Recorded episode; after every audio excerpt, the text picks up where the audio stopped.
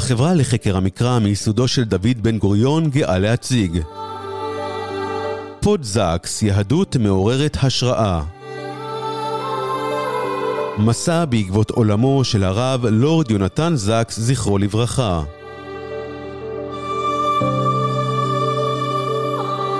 בהגשת הרב דוקטור עידו פכטר.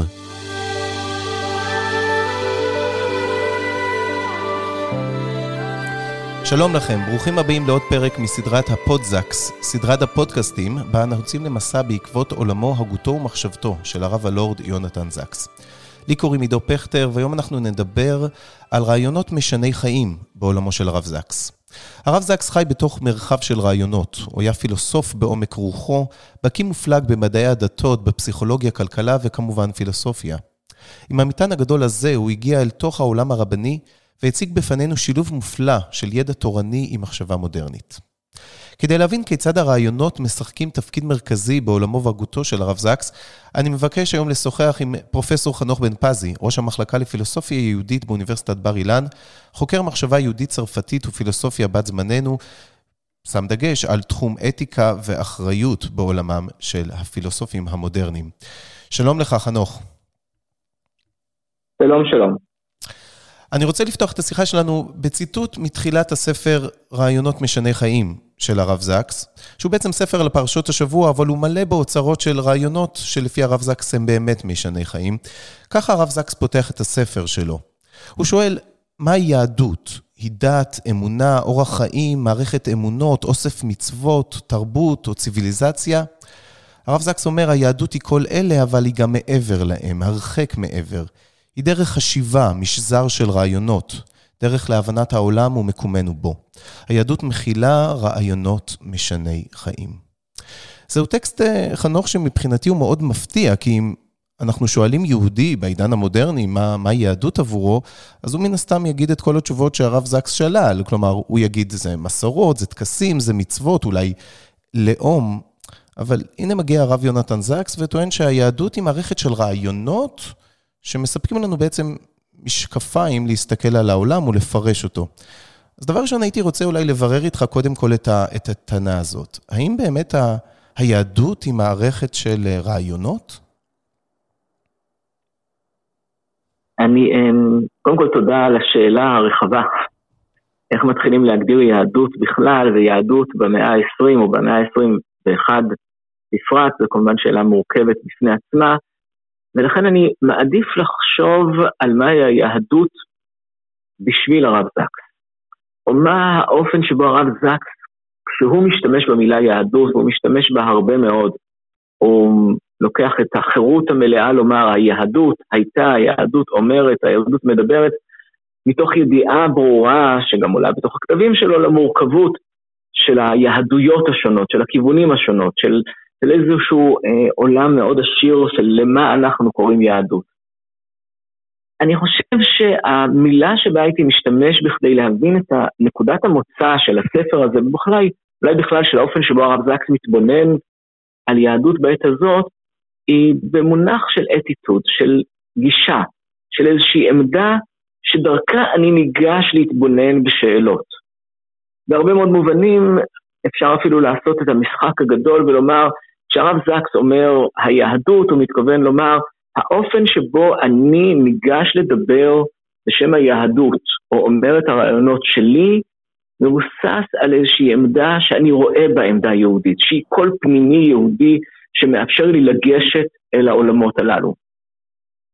אם אני אקח עוד צעד נוסף, כן. ואשאל גם אל מי הוא מדבר כשהוא אומר את המשפט, השאלה הזאת. מי הם הקהל יעד שכשהוא אומר להם היהדות היא, או היהדות היא אוסף של רעיונות, או מגוון של רעיונות, עם מי הוא מדבר כשהוא אומר את המשפטים הללו, אני יכול לחשוב על שלושה קהלי יעד שונים, ובסוף מסתתר שם גם קהל יעד רביעי. כן. הקהל האחד אמ, הוא העולם, הייתי אומר, העולם היהודי של הזהות היהודית המסורתית, שרואה שייכות לעולם היהודי, ומאוד מאוד מחויבת גם לעולם המודרני. יש פה איזה רצף מאוד מגוון של אנשים שאיתם הוא מדבר, ונותן להם מענה. כן. הוא מנסה לדבר אליהם בשפה מודרנית. יש עולם שלם שהוא מדבר אליו, שהוא העולם הלא פחות חשוב, שהוא העולם הדתי במובנה הרחב, של דתות שונות, של מנהיגי דתות שונות. ששם הוא מנסה להביא כל יהודי לתוך העולם הדתי ולשאול שאלות גם אחרות. ויש עולם שמטעמים מאוד ברורים, מאוד מעניין אותי, וזה האופן שבו הוא מדבר אל העולם הפילוסופי. וכאן אולי בהמשך נוכל להגיד עוד כמה מילים על הדבר הזה. הרב זק מנהל שיחה מורכבת איך אני מביא רעיון שלא נוסח באופן פילוסופי לתוך שיח שיש לו כללים מוכתבים של איך מדברים פילוסופיה. וכאן הוא מדבר בשפה אחרת, ואני חושב שכאן הדיבור של רעיונות משני חיים, או הגישה שאומרת אני צריך לחפש בתוך המסורת היהודית, בתוך הספרות היהודית, בתור האוצר של היהדות, את הרעיונות משני החיים, יהיה דיבור חשוב לא פחות. ומהמקום הזה, אותה, אותה גישה, אותה עמדה, אותו נטייה שהוא אומר, עם איזה עמדה אני יוצא לחפש מהי היהדות, כאן הוא אומר לנו את הדבר הגדול הבא, נכון, היהדות, המסורת היהודית היא הלכה, היהדות היא כמובן אמונות, היהדות היא כמובן מסורות שונות אה, אה, לאומיות ועמיות ומנהגים וחגים ולוח שנה, אבל יש משהו שעומד ומניע את כל הדבר הזה. והדבר שמניע את כל הדבר הזה הוא הדבר שמניע גם אותי. אותי זאת אומרת הרב זקס, כשאני ניגש אל העולם. כלומר, אתה טוען, אתה, טוען ש, אתה טוען בעצם ש, שרעיונות אצלו, הרעיונות משני חיים, זה לא איזה לוגוס כזה פילוסופי שמרחף כזה מעל, שאנחנו בעצם אה, מזהים את זה עם היהדות, אלא בעצם הרעיונות, אלא זה בעצם סוג של, אה, כמו שאמרת, אדיטוד, גישה, שאנחנו ניגשים דרך היהדות לסוגיות מרכזיות בעולמנו. זה מבחינתו האופן שבו הוא משתמש במושג הזה, יהדות. לחלוטין. אני חושב כרגע על, על, על עולם אחר, ואני אגיד, מבלי להעיב פה על השיחה עם עוד שמות, אני אגיד, הרבה פעמים כשאנחנו ניגשים לשאלות, אנחנו ניגשים אל איזה מחסן מוכן, מחסן תשובות. כן. ניגשים לספרייה מוכנה ואומרים, אני אשלוף את הספר הזה, יהיה לי תשובה, אני אשלוף את הספר הזה, יהיה לי תשובה. כן. הרב זק שייך לאותה עמדה שאומרת, אין תשובות מהמוכן. את התשובות עלינו לעצב, לבנות מתוך אחריות מלאה לרלוונטיות לעת הזאת, לרגעים הללו. והכיוון הזה שאומר, הרעיונות בכוחם לשנות את העולם, גדול אפילו מן הפוליטי, מן, ה, מן התעשייתי, מהמקומות הכלכליים, כאן מסתתרת העמדה הבסיסית שאיתה, אני חושב, הרב זקס ניגש לחולל את השינוי, במובן, במובן עמוק מאוד, להפוך בכך גם את היהדות לרלוונטית בעת הזאת. כן. לכן הוא באמת... האם רעיונות משני חיים? או, oh, יפה, זה מה שבדיוק מה שרציתי לשאול אותך, כי באמת הוא לא אומר שזה רק רעיונות, הדרך שלנו לפרש את, ה, את המציאות, את העולם שסביבנו, את עצמנו, אלא הוא בעצם טוען שיש כאן משהו שהוא, שהוא משנה חיים. זה, זה, זה קצת יומרני לטעון את הדבר הזה, לא ככה אני... ממש רעיונות, הגישה שלנו ישנו את החיים שלנו, של עצמנו, של סביבתנו? זה אפשרי?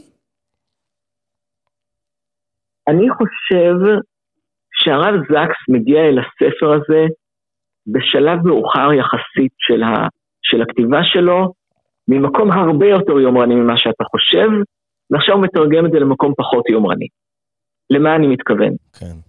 כשהרב זקס חושב על רעיונות במונחים של העולם הפילוסופי, בטח העולם הפילוסופי, אתה יודע, האוקספורדי, אמ, הקיימברידג'י, שאומר, הפילוסופיה מחוללת שינוי בטווח ארוך, לשנים ארוכות, לעשרות שנים, למאות שנים קדימה. רעיונות שחלחלו בעולם לפני שלושת אלפים שנה, ממשיכים לדבר איתנו עכשיו. רעיונות שבעולם הפילוסופי היו לפני 300 שנה, עדיין חיים ומשנים את העולם שלנו, ודאי שרעיונות מלפני 100 שנה או 150 שנה איתנו ומחוללים שינוי. והוא פונה אל הרובד העמוק הזה. הוא אומר, אני רוצה לחשוב לעומק על השאלות של העת הזאת. קל להתפתות, ללכת ל, לרבדים היותר חיצוניים, של, המוניים של היומיום, במובן הזה שהם פונים אל שיח פוליטי שנמצא בעיתונות, אל שיח חברתי, כלכלי, רודף את הזאת, מלחמות, שלום, הרבה מאוד דברים שמלווים את החיים שלנו ביום-יום. והרב זקס פונה אל הרובד היותר עמוק, באומץ לא יאומן לדבר אל האדם של היום-יום ברובד שמעבר ליום-יום. כלומר, הוא פונה אל היום הזה ממקום שהוא מעבר ליום הזה, ואומר בוא נלך למקומות היותר עמוקים, יותר רעיוניים, של זהות עמוקה, ונשאל שאלות משנות עולם. כן. זה ייקח 100 שנה, זה ייקח 200 שנה. וכשהוא מגיע אל הספר הזה, הוא עושה מעשה נועז על גבול החצוף. ואומר, עכשיו את הדברים הגדולים הללו, שאני חושב עליהם ברבדים עמוקים, פילוסופיים, ארוכי טווח, אני רוצה לתרגם לחיים של אנשים עכשיו, ברגעים הללו, ביום-יום.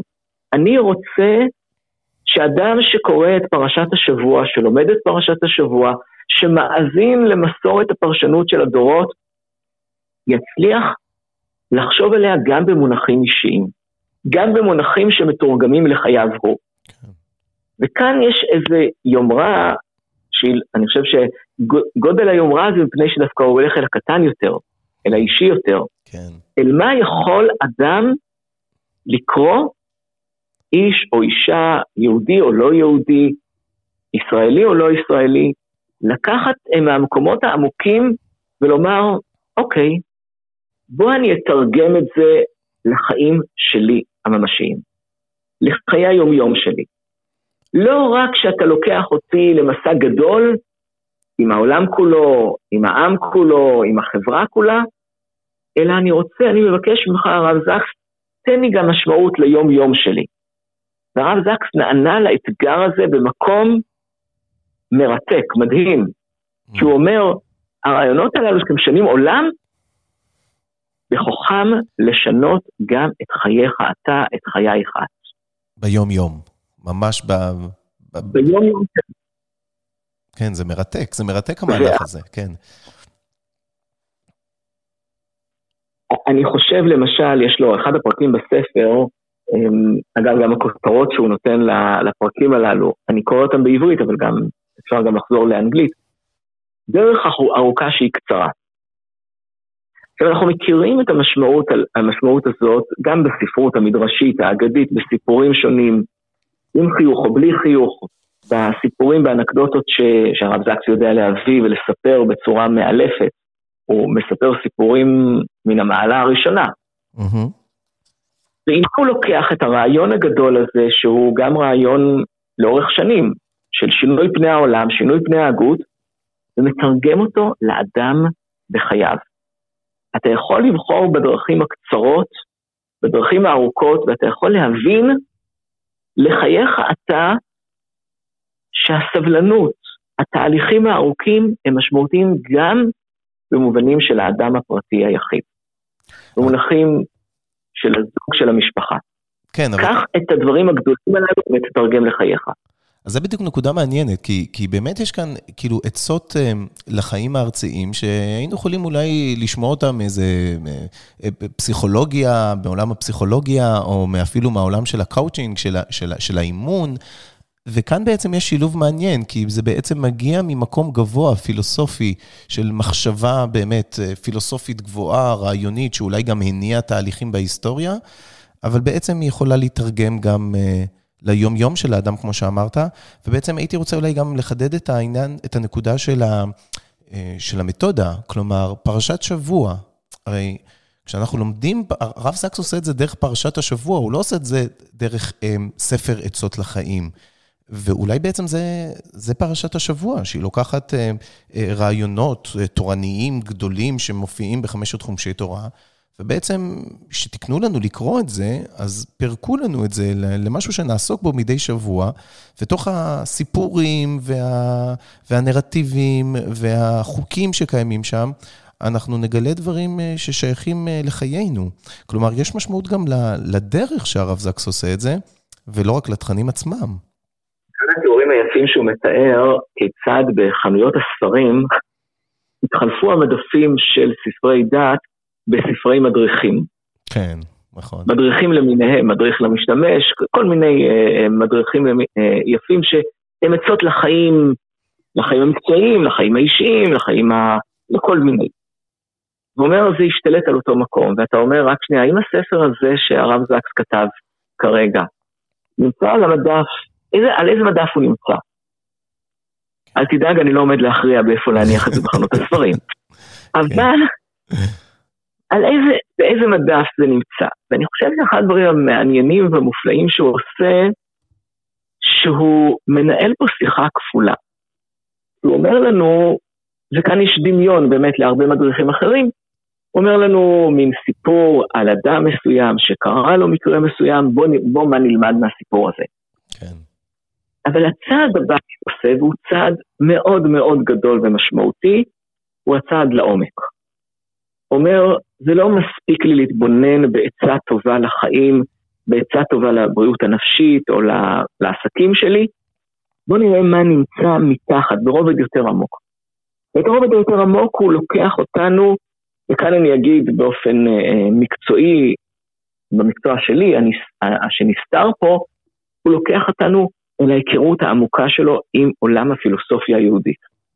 כן. אבל הוא לוקח, הוא לוקח את זה ממקום שלא מבהיל את הקורא.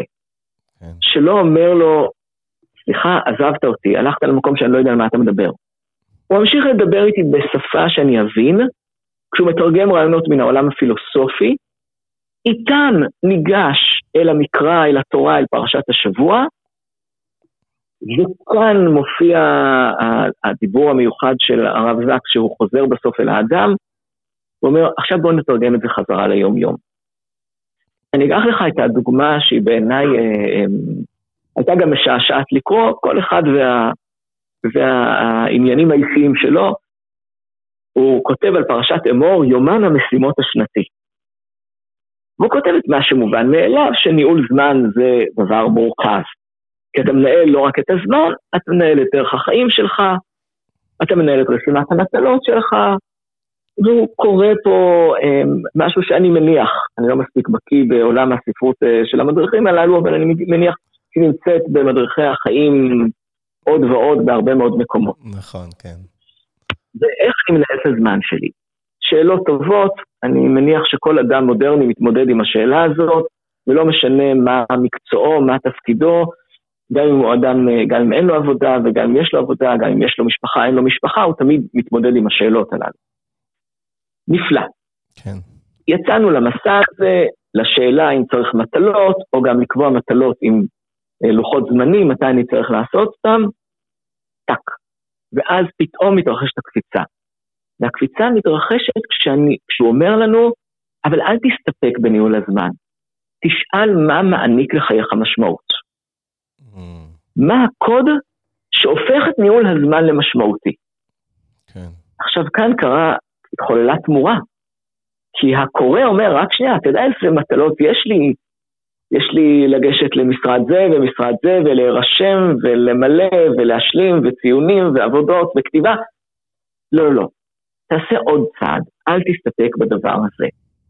כי המועדים, מועדי השנה, מלמדים אותנו שמעבר ללוח השנה ולזמנים, יש גם סיפור שאותו אנחנו צריכים לספר לעצמנו, והוא סיפור של המשמעות. כן. או כמו שהוא קורא לזה, אנחנו צריכים קוד מוסרי. מערכת הניווט לא יכולה להסתפק בניהול הזמן, היא צריכה לחפש את המשמעויות. אני חושב שמה שמתרחש ברגעים הללו, וזו דוגמה בעיניי אה, מופלאה, שבה אני אומר לעצמי, אוקיי, פנית אליי שאני מחפש מדריך לחיים. אני מחפש לפגוש את המדריך לחיים המחוייך או הרציני, המעמיק או השטוח, השטחי. כן. אבל אתה דורש ממני עכשיו משהו נוסף. לשאול את עצמי ברגע הזה, מה המשמעות, מה הסיפור שמאחורי לוח הזמנים שלי? כן. מהו הדבר שיקבע את האופן שבו אני אתייחס אל העולם שלי? ולא בטעות הוא משתמש במונח פלא. פלא משנה חיים. הלוח העברי אומר לי, תחפש פילוסופיה של אמיתות נצחיות בתוך לוח הזמנים הכל כך זמני שלנו. בתוך קוצר החיים, בתוך עומס החיים, בתוך טרדות החיים, לחפש אמיתות שהן מעבר לעצמם. שכאן... באמת יש כאן, יש כאן באמת אמירה יהודית, כלומר, אמירה יהודית מאוד עמוקה, לחבר את הגבוה עם הנמוך, את הנשגב עם היומיומי, אמ, ולמצוא את המשמעות במעשים הקטנים, הפרטים הקטנים ביותר, וזה... אה, אתה ממש לוקח אותנו לשם, כשאתה מדבר איתנו על לוח השנה, על הדבר ש... שכל כך אה, שייך לכל אחד, ולוח הזמנים של כל אחד. ואת זה בעצם גורם, או קורא לנו, למצוא את הגדולה, את הסיפור, את, ה, את המשמעות הגדולה, בתוך הדברים הקטנים. זה ממש כל יהודי, אפשר לומר. אם מותר לי עכשיו להוסיף למה שאמרת, לדברים היפים מאוד שאמרת עכשיו, באמת בהקשר המסורת העברית היהודית, אני חושב שיש פה אה, עוד עניין, כמעט והייתי אומר tricky, כן. שהרב זקס עושה.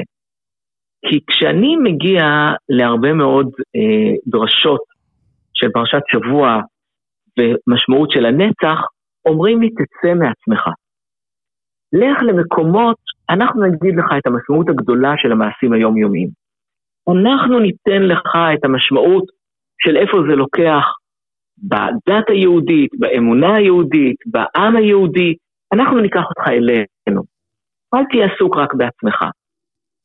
הרב זקס מטיל את האחריות על האדם, על היחיד, ברגע הזה, שהמשמעות שהוא מעניק מעבר ליום-יום שלו, אחריותה תהיה, תהא מוטלת עליו.